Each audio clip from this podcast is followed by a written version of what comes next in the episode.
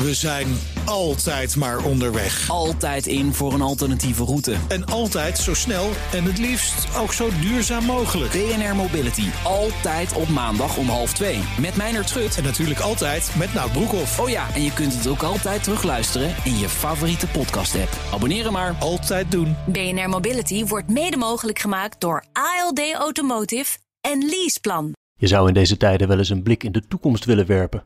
Over de huidige crisis heen. Of het kan, weet ik niet, maar Boekenstein en de Wijk gaan het proberen. In Boekenstein en de Wijk voorspellen de toekomst. In gesprek met deskundigen en met de zaal binnenkort in een theater bij u in de buurt. Kijk voor data en tickets op bnr.nl/slash theater. BNR Nieuwsradio. Boekenstein en de Wijk. Hugo Reitsma. क्या भारत एक economic super power 2027 तक भारत पॉपुलेशन के मामले में चाइना को भी पीछे छोड़ने वाला है। और ये पॉपुलेशन यंग है। 50% पॉपुलेशन 25 से नीचे है। We truly live in exciting times infrastructure transport trade fire power के हिसाब से फोर्थ और मैन पावर के हिसाब से सेकंड लार्जेस्ट मिलिट्री भारत को 2035 तक एक 100 परसेंट एक इकोनॉमिक सुपर पावर बनेगा ही। इकोनॉमिक सुपर पावर बना सकता है। Ook als je de taal niet spreekt, dan hoor je ze hebben er zin in in India. Vorig jaar een grotere economie dan oud-kolonisator Groot-Brittannië. Dit jaar een grotere bevolking dan China. Straks economic superpower. Welkom bij Boekenstein en de Wijk op zoek naar de nieuwe wereldorde met Azië-specialist Maaike Okano-Heijmans van instituut Klingendaal. Welkom. Dankjewel. Hey Maaike, zitten wij een beetje naar de verkeerde eh, supermacht te kijken? Dat iedereen nu de blik heeft op China, terwijl India alweer klaar staat om het stokje over te nemen? Ja, nou ja, er is heel veel aandacht voor China inderdaad deze dagen. Uh, lijkt me ook heel goed in het publieke debat. Um, want China is al een grootmacht. India is dat natuurlijk nog niet. Um, en ik denk dat we eigenlijk moeten voorkomen dat we met India dezelfde fout maken als dat we met China hebben gemaakt. Dat we te lang eigenlijk zonder strategische blik en puur en alleen in, nou ja, in China's geval echt als markt naar het land keken. En dan wakker worden en een beetje doorslaan in onze reactie. Um, dus met India denk ik heel goed dat we nu al over India kijken. Want er zijn heel veel tekenen dat ze uh, veel meer invloed gaan krijgen. En die rol die willen ze heel graag pakken. Dus dat is voor ons uh, belangrijk. En de relatie voor nu onderpresteert. Maar is het we? Hè? Je zei nu het we. We, kijken, we keken naar China als markt. Ik ben het daar volstrekt mee eens trouwens. Is we nou Europa, Amerika of de hele transatlantische gemeenschap in deze? Of hebben we een totaal verschillend beleid? Nou, dat laatste ook. We hebben wel verschillende beleid en we hebben ook allemaal verschillende geschiedenissen natuurlijk met India. Want India is uh, nou ja, nog niet zo heel lang geleden eigenlijk pas onafhankelijk geworden van uh, de Britten, zoals net al werd gerefereerd. Uh, dus daar zit een belangrijke geschiedenis en iets meer kennis. in, in Nederland zit vrij weinig India-kennis. In Amerika beginnen ze het nu ook weer op te bouwen. Ze moeten echt van ver komen. Terwijl die Indiërs uh, ondertussen wel ook heel erg aan het investeren zijn in kennis over ons. Maar, Als ik het heb misschien over toch we, dat is wel een hele goede vraag erop. Ik denk inderdaad, we moeten wel Europa zijn. Hè? We, Nederland zijn toch best wel heel klein. Zeker als je het uh, met India staaft. En, uh, dus we moeten echt kijken op de grotere schaal. En dan is de EU heel belangrijk. Ja. Nou kijk, als je even weer die vergelijking maakt met China. Hè? China die laat zich leiden door een belangrijke mate van ressentiment. Hm. Uh, iedere keer ook als je in China bent, dan hoor je dat ook. Dat de eeuw van vernedering hebben ze dan altijd over. Inderdaad, Hugo, op de eeuw van vernedering. India heeft een koloniaal verleden. Heb jij nou het gevoel dat India zich door ditsoortzelfde sentimenten of door andere sentimenten die geworteld zijn in dat koloniale verleden laten leiden of niet? Wat is nou op dit punt het grote verschil met China, denk jij? Nou, wat mij altijd opvalt als ik met Indiërs praat, is met hoeveel zelfvertrouwen en strategisch denken. Uh, en, en ook een beetje nou ja, kritiek op onze nogal Europese blik op de wereld uh, naar ons hm. kijken. Hm. Um, dus hè, dat, we hadden, hoorden het uh, een paar maanden geleden toen de Indiase minister van Buitenlandse Zaken in Europa maar weer eens zei: jullie moeten echt eens een keertje af van die gedachtegoed dat ja, de problemen van Europa de problemen van Ja. de wereld zijn en dat de problemen van de wereld niet die van Europa zijn. En dat is iets wat, eh, waar ze echt de nadruk op leggen. Niet zozeer op een eeuw van vernedering, omdat ze een koloniaal verleden hebben. Dat zit wel in de gedachten natuurlijk. En dat proef je ook af en toe wel terug in. Hè, ze willen niet met het uh, opgeven vingertje toegesproken worden. Maar dat spreken ze echt heel anders uit. Ik heb dat ook. Ik heb heel veel studenten uit India op het University College Utrecht. En uh, we praten dan veel met elkaar natuurlijk over dat uh, ja, ze gewoon alle olie kopen voor Poetin. Hè, dat, dat, dat, Op dit moment, ja. ja. En dan, dan reageren ze echt ook heel zelfbewust. Van ja, luister, we hebben heel veel olie nodig. En eh, dat- je moet niet eh, dat allemaal ons in de schoenen schuiven. Wat ik wel vind is dat. Kijk, wij zien nou die sta, die, al die staafdiagrammetjes. Hè. India is nu de vijfde economie van de wereld. Nou, die kan, is bijna zo groot als Duitsland en Japan. Dus je zou dus drie en vier kunnen inhalen. Zeker als je naar de demografie kijkt. Hè. Alleen, wat ik zo jammer vind, is dat Modi is natuurlijk de democratie aan het kapotmaken in dat land. De premier daar is een Ja. hele nationalistische hindu. Ja, hè? speelt, speelt de hindoe-kaart en zit dus allemaal dokwissels naar de moslims. Dat lijkt me niet goed voor st- stabiele economische groei. En het tweede, als ik met mijn Indiaanse... Dat zijn allemaal, de meeste daarvan zijn behoorlijke rijke ouders. De ongelijkheid in India is erg, erg groot. Dat lijkt me ook op de lange termijn niet goed voor stabiele groei. Dus dat eh, geldt voor China ook trouwens. eh. Ja, geldt voor China ook, ja. Ja, dat gat, eh, die kastensysteem, dat bestaat inderdaad nog. Dat vergeten we wel eens. En daar zit inderdaad heel veel ongelijkheid in. Ehm, dus dat is ja, echt iets wat mogelijk explosief is op de lange termijn. Hè. Net zoals trouwens het feit dat het voor nu super is dat ze een jonge bevolking hebben. Ja. Maar die jonge bevolking wordt natuurlijk oud. Hè, dus net als China is er best wel een kans dat ze eerder oud worden dan rijk. En dat is eh, nou ja, een hele uitdaging om dan je economie op grootte te hebben om al die oudere mensen ook te kunnen verzorgen. Dus daar zitten inderdaad heel veel mogelijke problemen. En dat hindoe-nationalisme van eh, minister-president Modi is inderdaad ook iets waar we echt eh, nou ja, met z'n over moeten blijven praten. En ik, ik denk in, in privésfeer kan dat ook. Dat hoor je van de Indiase mensen zelf ook. Maar daar geldt dan ook weer, in het publieke domein is het niet handig om daar eh, al te zeer op te blijven duwen. Ehm, omdat we de Indiërs dus ook zo hard nodig hebben. En want ze zijn nu, nou ja, wat is het, ongeveer 18% van de wereldbevolking, maar minder dan 2% van de handel. Dus we mogen ze ook wel blijven wijzen op hoe wij ze kunnen en willen helpen om dat een beetje op te krikken, om hun economie, die echt heel snel wel moet groeien, ehm, om dat eh, ook te realiseren. 6,8% dit jaar aan groei, hè, volgens mij. De- daarmee hoort het wel tot de wat grotere groeiers in de wereld. Sneller dan China in elk geval op dit Ja, moment. exact. Ja. Ja. maar ja, het is, het is nog steeds niet Ja, voldoende om heel hard te gaan. Ja. Nou ja, en ze hebben een doelstelling om in, eh, 2000, eh, sorry, om in 2047 ontwikkelde economie te zijn. Eh, Dus, dus 100 jaar na de onafhankelijkheid. Hè? Dat is een mooie eh, gedachtegoed. Maar om dat te halen moeten ze dus het inkomen per hoofd van de bevolking elk jaar met ruim 4% groeien. ja, exact. Het Eigenlijk aardige is dat, eh, dat eh, China 2049, 100 jaar na de vorming van de Volksrepubliek de grootste van de wereld wil zijn. Dus dat eh, kan nog leuk worden. Hoe zie jij die relatie eigenlijk tussen India en eh, China? Ja, die is nu op een dieptepunt in de geschiedenis. Er was een grensconflict in 2020. Ehm, daar zijn ook soldaten bij gesneuveld. Dat Ja. is een van die dingen die de Indiërs ook graag aanhalen als ze zeggen... Hè, waarom moeten wij nu opeens aan boord met jullie conflict in jullie achtertuin? Terwijl, waar waren jullie toen wij ons grensconflict hier hadden... waarbij ook eh, soldaten zijn gesneuveld? Ehm, dus die dieptepunt eh, in, die, in die relatie, eh, dat is nou ja, heel helder. Ze hebben eh, TikTok al een tijdje in, geleden in de ban gedaan. En als voorbeeld van hè, waar wij nu pas eigenlijk zitten. Nou, daar hebben de Indiërs al eerder eh, nou ja, stappen ondernomen. En zijn ze ook onder druk gezet door de Chinezen, die dan, net zoals we hier horen, als we eh, zelfbewuste stappen nemen, ehm, dan wat dreigementen over zich heen krijgen. Maar daar zijn ze dus, nou ja, wat Arend Jan net al zei, heel zelfbewust van, nou ja, je mag dreigen wat je wil, maar wij staan voor onze nationale belangen. Ja. En daar, daar merk je dus ook een grote verschuiving. En die is voor ons weer heel belangrijk. eh, dat door dat conflict eh, wat groeit met China, eh, dat ze ook meer kijken naar, naar andere landen. En daar staan wij als EU niet bovenaan het lijstje. Want, nou ja, wat, wat, wat hebben wij ze nou echt te bieden? Een vrijhandelsakkoord hopelijk. Daarvoor kijken ze naar ons. En ze willen graag wat andere dingen, maar die, daar zijn we tot nu toe nog niet heel gul in geweest. Dus dan kijken ze toch eerst naar Japan, eh, naar de Verenigde Staten, naar Australië. Hè, daar hebben ze die Quad-relatie mee. Ja. Die, eh, daar India nu echt, ja, hoop misschien volgend jaar de summit van gaat organiseren.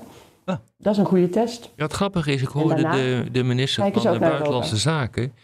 Eh, hoe heet die man? Ja, eh Sharankan, geloof ik. Wat is dat? Hoe- Shashankar? Ja, exact. Jij zegt het beter dan ik.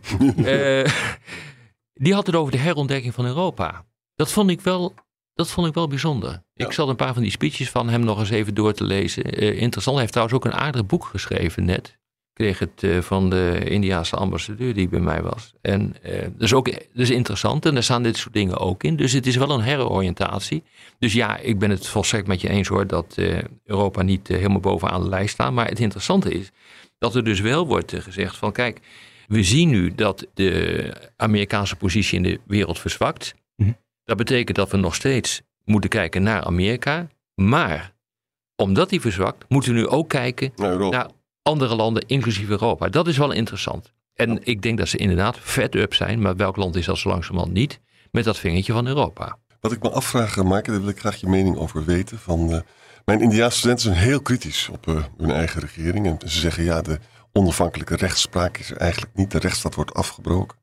Dat, heeft, dat lijkt me ook een enorme bedreiging voor al die plannen dat je dus zes jaar groei, 6% groei per jaar moet hebben. Want je moet, een rechtsstaat is ook heel belangrijk voor ondernemers en voor, groei.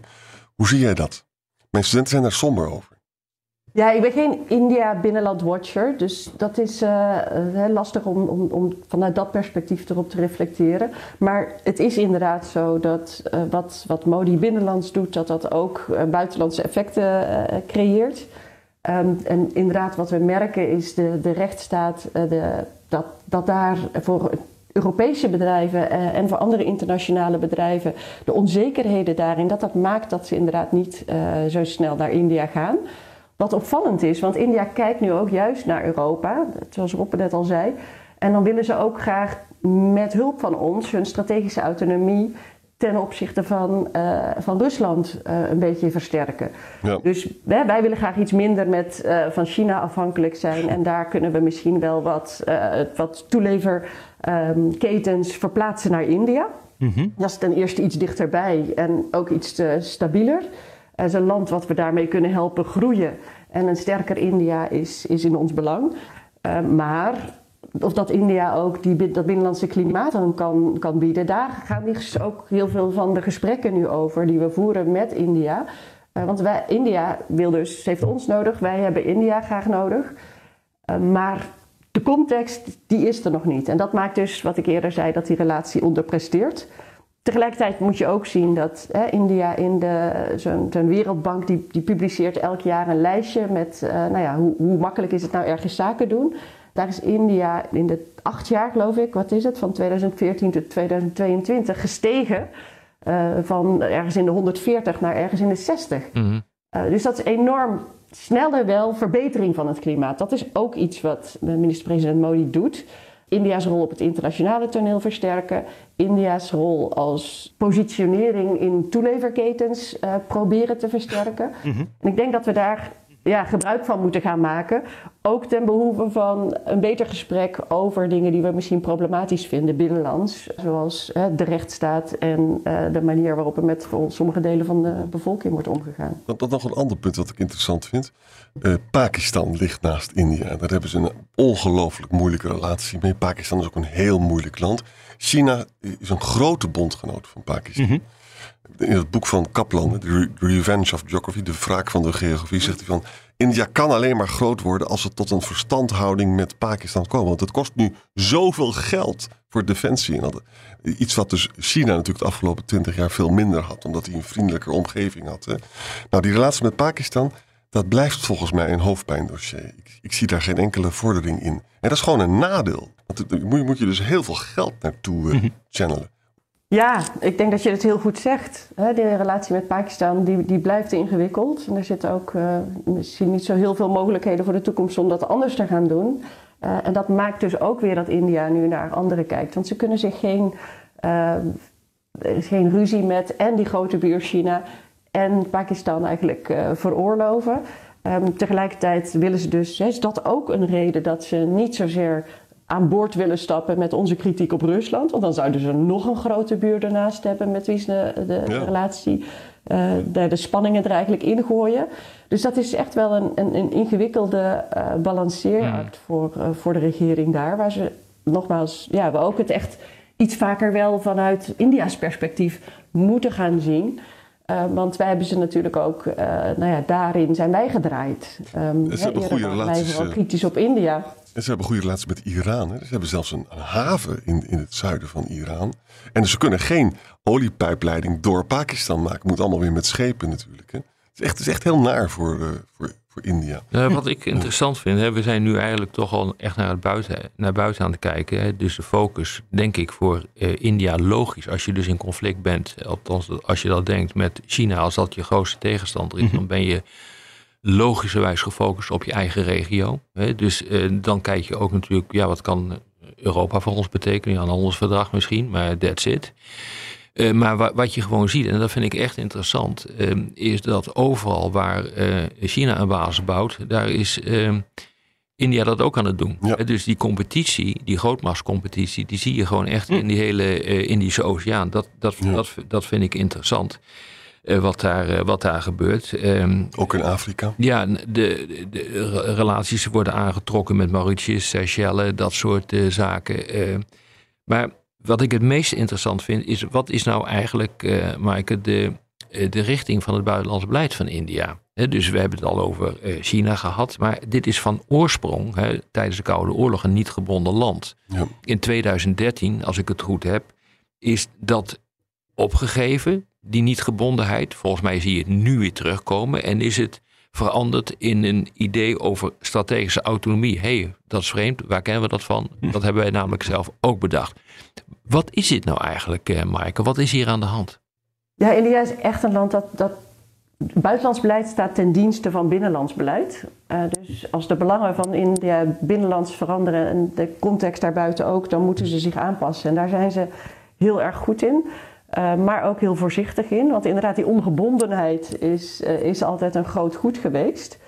Um, en de, dat is ook de reden eigenlijk dat ze met, met dat quad-groepje, hè, wat ik net zei, Japan, Australië en, en Amerika, eigenlijk mm-hmm. als meest terughoudende speler uh, zich daarin hebben opgespeld. Omdat het ook gezien wordt door sommigen, die quad, als een anti-China groepje. En dat wil India dus niet uh-huh. expliciet maken. Dus zij hebben zich daarin uh, nou ja, langzaamaan uh, nu wel uh, mee zijn, ze, zijn ze aan boord gestapt. Ze willen, hebben wel heel erg benadrukt dat ze een inclusieve quad willen, een inclusieve Indo-Pacific. Um, en dat is anders dan de Amerikanen, die er met gestrekt been in gaan en die zeggen: dit is een anti-Chinees. Dus daar proberen ze die balans te vinden tussen wel mee aansluiten bij landen die, die India ook kunnen helpen in dus buitenlands beleidsdoelen die ze hebben. Want alleen zitten ze al nou ja, jarenlang, decennia lang in Afrikaanse landen ook. Maar ze kunnen daar veel meer nog doen als ze dat bijvoorbeeld samen met Japan doen.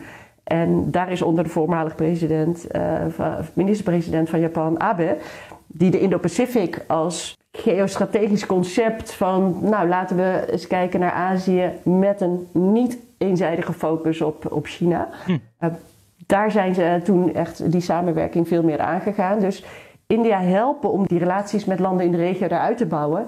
Dat is iets wat we heel erg hebben gezien, want ze zijn daar nog niet zelf. Hè. Ze, ze zaten tot een tijdje geleden qua buitenlands beleid, hè, diplomatieke uh, omvang, um, op het niveau van, van Singapore of Nieuw-Zeeland. Dus Ja, ze eh, kunnen het wel een- als nog grootmacht nu bespreken.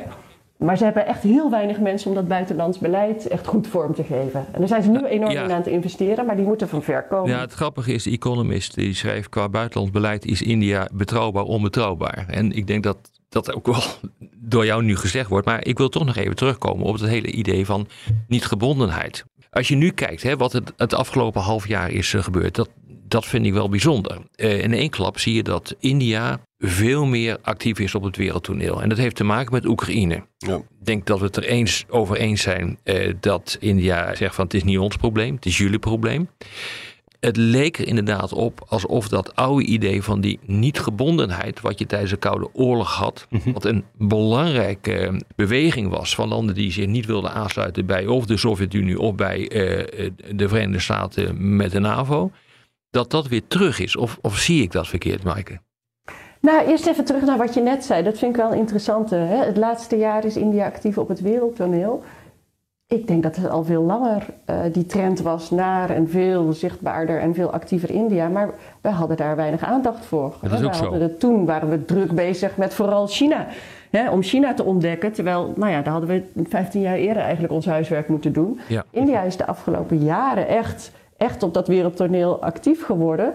Ehm, of misschien wel vooral in dat Indo-Pacific toneel, waar wij nou ja, ons toch nog maar moeizaam tot weten te verhouden. En we hebben daar natuurlijk eh, een groot schip naartoe gestuurd met dat Britse konvooi, wat eh, helemaal tot aan Japan is gevaren. Um, maar daar, verder zijn we nog heel erg bezig met denken over wat kunnen wij daar nou in die regio betekenen. Uh, maar ondertussen heeft India echt al best wel heel veel jaren is daar actief geworden. Het feit dat ze volgend jaar de, die Quad-bijeenkomst uh, als laatste van de vier landen uh, hopelijk gaan hosten in hun eigen land, zegt dat al. Want dat betekent dat hè, het was eerst Japan, toen de Verenigde, Verenigde Staten, toen Japan en toen dit jaar Australië. Dus al die jaren zijn ze al iets minder ongebonden geweest. De, echte gevoelens van India, ze zijn echt bang voor China. Ze zijn heel erg bang voor China. En ze balen er enorm van dat ze dus door die ellende met Pakistan vastzaten. Waardoor China dus ongelooflijk veel macht in Afrika kon projecteren. Had India ook heel graag. Ze doen het een beetje, maar hadden, hadden dat veel beter kunnen doen. Kijk, ze hebben daar die territoriale disputen, ze hebben die grensdisputen. Maar ook in economische zin, hè, met, met de hele decouplingsontwikkeling. Uh, Apple gaat nu van Vietnam, maar gaat ook naar India hè, met de iPhone 14. Hè. Nou, met andere woorden, um, ik denk uiteindelijk dat het India, India heeft echt ook uh, tegenwicht nodig tegen China. Dat betekent dus dat die relatie tussen, dat, dat, dat, dat, dat zal de ongebondenheid doen eroderen. Dat zou kunnen. Nou ja, dat, is, ja. dat maakt India zo interessant. Dat maakt India ik, ik heb er ook geen antwoord op uh, wat dat nou ja. is. Maar Maaike? ongebondenheid, ik, ik, ja, wat ik denk ik ook nog hè, als tweede wilde benadrukken. Mm -hmm. Die ongebondenheid betekent dus juist ook niet dat ze dan uh, al te veel met ons uh, mee zullen gaan. Of helemaal aan de andere kant zullen staan. Zeker. Er zijn heel mm. veel stukken tussen in het grijze gebied. En op sommige vlakken zullen ze meer uh, willen, met ons willen samenwerken. Maar als het bijvoorbeeld gaat over klimaat, dan zijn ze ook heel erg zelfbewust. En dan ja. zeggen ze, nou, degene die hier de grootste rotzooi heeft gemaakt, die betaalt. Mm -hmm. Waar zijn jullie? En dat zeggen ze inderdaad namens de Global South. Dus ja, enerzijds zien we meer gebondenheid met uh, nou, het groepje landen waar wij ook graag mee samenwerken. Uh, de, de Quad, zo heet het dan daar. Uh, maar wij hebben natuurlijk ook de transatlantische relatie. Wij zijn ook Japan aan het herontdekken. Ja. Uh, en met India de banden aan het versterken. Dus ja, daarvoor gaan ze naar ons. Tegelijkertijd zien ze zichzelf ook wel als vertegenwoordiger van de Global South. Al was het maar omdat ze ook niet willen dat China daar uh, de boel gaat bestieren. Exact. Dus en ook is het, en ook de, in het midden, maar op grijstint op verschillende ja. plekken per thema ook. En ook de koloniale geschiedenis. Hè. De China, China, heeft de Chinese vernedering. Maar de, de wijze waarop de Britten daar dus weg zijn gegaan met die gigantische problemen die zijn. Daar zijn ze dus echt heel kwaad over. Hè? Dus ook hier weer is het een beetje payback time. Hè? Van ze ja. vinden het ook heel fijn dat ze sterker worden en dat wij wat meer onze grote mond moeten houden. Dus het is niet zo, want we begonnen heel erg deze uitzending met vergelijkingen te maken tussen India en China. Dat we de hoop moeten hebben dat India zich ontwikkelt tot een soort anti-China, waar de productie vanuit China naartoe kan worden verhuisd en dat een, een grote democratische bondgenoot in Azië kan zijn, Maaike? Nou, als je simpel antwoord zegt, dan zou ik zeggen nee. um, dat is, daarvoor is de wereld iets te ingewikkeld. En China uh, was een fabriek van de wereld. Dat gaat India niet worden. Maar ze kunnen wel steeds een andere rol spelen die, die past bij het huidige tijdsgevricht. Die, die fabriek van de wereld, op één plek hebben we ook niet zoveel meer nodig. Wij zijn nu in het kader van strategische autonomie, het heroverwegen van afhankelijkheden, al gaat het over grondstoffen of hè, spulletjes. Dus er kwamen natuurlijk heel veel medicijnen en mondkapjes. Ook uh, juist ook uh, uit India. Uh, dus daarin, de diversificatie, daarin zullen ze zich op, ja, op gaan werpen. Het Make in India was een paar jaar geleden. Hm. Nu zeggen ze Make for the World. Dus dat is iets meer een, een, blik naar buiten. Maar ja, als je dan toch nog eventjes hebt over die, die vrijhandelsovereenkomst, die is echt vreselijk moeilijk. Want ja, ze zijn ook nog heel zelfbewild en, en nog steeds protectionistisch. Dus ook daar zijn ze op een heel andere manier zelfbewust dan China. Ja. Op de radio ronden we af, maar in de podcast gaan we langer door met luisteraarsvragen. Luistert op de radio, dan verwijs ik naar boekensteinendewijk.nl of uw favoriete podcast app. En uh, Joachim vraagt ons: in navolging van het grote gewicht dat China kan plaatsen in de weegschaal voor het ontginnen en raffineren van cruciale grondstoffen, gecombineerd met een stevige opbouw van industriële ketens, is er een welbepaalde unieke eigenschap die India hier tegenover kan stellen. En zelf suggereert hij dan de strategische ligging nabij de straat van Hormuz en Malakka. Maar uh, zijn er uh, specifieke punten, dus economisch vraagt volgens mij Joachim, waar, waar India zich verder op kan ontwikkelen? Nou, India is een, echt een technologische supermacht. Hè? Ja, ja. China was de fabriek van de wereld. India wil een digitale en technologische supermacht zijn. En dat zijn ze nu eigenlijk ook al. Je ziet in de G20, uh, die uh, Modi voor het eerst dit jaar uh, host, ook de summit daarvan en alle andere bijeenkomsten dit hele jaar. Daarin zit technologie en digitalisering als, als hele belangrijke onderwerp. Daar kunnen we dus heel veel mee met, in, met India, omdat ze bijvoorbeeld ook zijn voor open source-achtige oplossingen in het digitale domein, die weer tegenweer kunnen bieden aan het, de, de al te grote macht van Amerikaanse tech giants en Chinese tech giants. Daar, ik denk in dat speelveld kan India een belangrijke rol spelen. Ja. En het mooie is dat we ook wel bezig zijn om met India daar ook onze relatie te versterken. Ik weet niet of dat misschien Joachim ook heeft gehoord van de Trade and Technology Council. Dat is dus niet het vrijhandelsakkoord, maar het, het gesprek aangaan met India over technologie. Welke rol kunnen zij pakken in onze strategische uh, waardeketens? Arend Jan zei net al eventjes, Apple gaat daar naartoe. Nou, de Indiërs zouden heel graag ook ASML willen hebben. Misschien ook wel wat meer militaire technologieën. Daar zit denk ik heel veel in als India als, als technologisch en digitaliseringshoogwaardig land waar we nu al veel mee kunnen en waar nog heel veel potentieel zit. Ook op dit punt volgens mij vraagt Martin de Henheijer ons uh, met India, nou het is meer een stelling. Hij zegt met India is het altijd hetzelfde verhaal. Net als het goed lijkt te gaan bedenkt de regering weer iets om het te verklooien. Zo zijn ze de, ook de hele BPO-industrie kwijtgeraakt. Ik moest het even opzoeken, maar dat is business process outsourcing. Dus dat is volgens mij dat je, er was een tijd dat als je een callcenter belde, dan kwam je altijd in India terecht. Maar dat hebben ze kennelijk uh, verklooid, zegt Martin vind het niet echt beleefd naar India. Nou, als ik onze, onze luchtvaartmaatschappij probeer te bereiken, dan krijg ik nog steeds Indiase stemmen. Oh, okay. Dus ik nou. weet niet of ze helemaal kwijt zijn. Ja. maar ja, jeetje, is dat heel India-specifiek? Uh, één, stap, één stap vooruit, twee stappen achteruit. Um, vind ik een lastige. De ja. Arend-Jan en, en Rob, ja, hebben jullie vast zinnigers over te zeggen dan ik. Jullie recent een callcenter gebeld? Nou ja, kijk, ik heb het wel eens gedaan. Het was een bijzonder aardig iemand die mij hielp toen met mijn computer. Deze meneer is een beetje onaardig tegen India. Nou, kan niet, niet deftig. Ja. Uh, Extor die heeft een punt dat denk ik jullie kunnen beamen. Die zegt dat hele idee dat India sterk wordt en een tegenwicht kan bieden tegen China. Uh, dat is nou wel een heel erg westerse manier van denken. Ik denk eerder, zegt die Extor, uh, dat een sterk India weer een supermacht is waar Europa rekening mee moet gaan houden. Ja, maar dat. Uh, maar dat vind ik een heel mooi punt. Ja, de wereld verandert. Je moet dus inderdaad rekening houden met, uh, met de opkomende machten. En dat gaat ten koste van ons. Kijk, ik denk dat ons probleem, om het daar maar even over te hebben, gewoon een mentaliteitskwestie is. Ja. We zijn uh, eh, 200 jaar geleden is de eerste industriële revolutie uitgebroken in het Verenigd Koninkrijk. En sindsdien zijn we zonder enig twijfel het machtigste deel van de wereld. Ja, dat doet ook psychologisch iets met het Westen in algemene zin. En wij denken, dat moet je ook iedere keer in de Tweede Kamer uitleggen, dat bijvoorbeeld ook Nederland niet het centrum van de wereld is en hmm. maatgevend is voor de rest van de wereld. En dat denken wij, dat denken wij wel. Maar dat is typisch iets wat gewoon bij ons zit. Wij denken nog steeds dat eh, onze waarden, eh, onze regels eh, maatgevend zijn en dat die ook eh, gelden voor landen als India en China. En volgens mij is dat gewoon niet zo. Gelukkig is het wel zo. Kijk, de opkomst van India, India wordt natuurlijk belangrijk versterkt de multipolariteit. En dat geeft ons hm. wel weer de mogelijkheid om die oude Britse balans te spelen. Dat je India en China tegen elkaar uitspeelt. Hè. Dus we, we, maken er ook misbruik van. Hm. Dus ik, ik, ik, denk dat India een hele goede toekomst heeft. Het wordt echt gepaaid door het Westen. Vanwege de ellende met, tussen Amerika en ze willen, ja, ja mooi punt inderdaad. Ze willen ook, eh, benadrukken ze zelf, dat de EU en India eigenlijk de enige grootmachten zijn die echt zijn voor multipolariteit. Dus laten we om die reden ook met elkaar optrekken.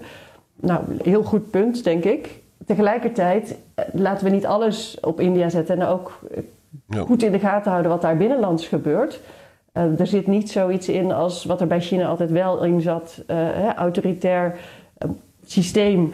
En ja, dat met, opeens met een leider nog een andere kant op gaat, nog minder de rule of law in zich draagt als, als dat we al dachten. Dat zit er bij India natuurlijk niet in. Het is een democratische grondwet. We kunnen ze ook op die grondwet aanspreken. Dat is een groot verschil. En maakt India een andere partner dan bijvoorbeeld China. Maar ik denk dat we ons ook niet moeten blind staren op, oh China uh, is, nu we China zo problematisch vinden, is India de grote oplossing. Nee. Uh, dat zeker niet. Daar zitten natuurlijk nog te veel hobbels ook voor op de weg, waarvan we nog moeten zien hoe ze daarmee omgaan. Een beetje bescheidenheid in die discussie zou ons wel sieren.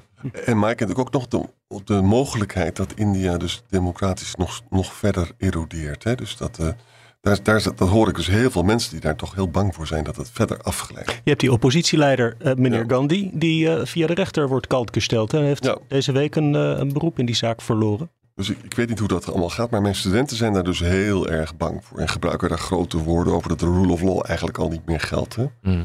Of dat allemaal waar is, weet ik niet, Maaike. Maar er zijn wel mensen die bezorgd zijn. Nou, er zijn zeker daar voorbeelden van, en meer dan eentje, die je zorgen moeten baren ook. Uh, en ik denk dat het heel goed is dat studenten daar aandacht voor vragen. Tegelijkertijd moeten we denk ik ook zien dat het grotere plaatje.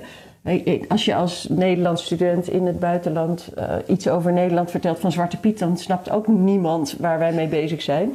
um, dus om maar een voorbeeldje te geven van één, onderwerp is belangrijk om te zien, maar het moet ook in context gezien worden. Maar we mogen het zeker niet onder het tapijt schuiven, want het zit er wel. Dan gaan we tot slot nog even naar eh, Wishmaster. Die vraagt: uh, India warmt snel op. Lijkt op sommige plekken zelfs al uh, onleefbaar te worden of daar tegenaan te gaan. Zal dat de, de glorieuze toekomst van India niet in de wielen rijden? Die klimaatuitdaging die is voor India inderdaad heel erg groot. Het uh, is ook mooi om te zien dat dat een van de onderwerpen is waar bijvoorbeeld Europese landen ook echt al best wel lang met India op samenwerken. Nederland ook. Uh, we hebben ook, de Fransen hebben India geholpen met wat ze dan noemen de International Solar Alliance. dus India die inzet ook op het gebruik meer van, van zonne-energie. Um, en Nederland is ook um, daar flink mee bezig. We zijn ook lid trouwens van die Solar Alliance, maar we werken ook op andere projecten met ze samen. Het klimaat is echt ja een groot probleem en gelukkig ook hoog op de agenda. Interessant is wel dat uh, onder leiding onder andere van India in Egypte, nog niet zo lang geleden, dat enorme fonds om landen in de Global South, zoals het zo mooi heet, te helpen, uh, bij het mitigeren van de effecten van klimaatverandering dat India daar veel credit uh, voor heeft uh, gekregen. Ja. Maar tegelijkertijd, maar dat staat me eenmaal niet helemaal meer bij, is het zo dat uh, de formele doelstellingen zoals die in Parijs zijn afgesproken, door India al zijn verschoven naar 60, 70, 2060, 70. 2070 ja, ja, willen ze klimaatneutraal zijn. Ja. zij willen het nog inhalen. Zij willen, zij, mensen gaan meer vlees eten in India. Natuurlijk omdat ze rijker worden. Mensen willen allemaal een brommer of een auto zelfs. Ja, daar willen ze ruimte voor hebben. Ja, en tegelijkertijd die extra motivatie om echt zelf wel te handelen, die is heel duidelijk vanwege de vervuiling in de steden en, en die heel zichtbaar is. Ja, je hebt gewoon geen keuze. is het natuurlijk toch, ja, daarom zie je dus ook echt dat ze aanjager zijn van hè, bijvoorbeeld die International Solar Alliance, maar ook wind op zee en grondstoffendelving, uh, recycling ook. Um, en, en ze hebben natuurlijk ook een heleboel ingenieurs daar, dus ze kunnen ook groene technologieën uh, helpen ontwikkelen. En dat is, ja, dat is het mooie uh, aan de ene kant. Maar de uitdaging is natuurlijk inderdaad uh, ook, ook enorm. maar ze zijn tegelijkertijd, om nog maar iets te noemen, ook kritisch op de EU. Van hè, wanneer gaan jullie nou zelf stoppen ook met, ja met die kolen. En, en moet de ambitie juist niet inderdaad vooral van jullie komen, want jullie zijn rijk en hebben deze troep veroorzaakt. Ja, dat zullen we nog veel te horen krijgen. Dit was weer Boekenstein en de Wijk. Namens Arend-Jan en Rob de Wijk, dank voor het luisteren. Speciale dank aan Maaike Okano-Heijmans en fijn weekend.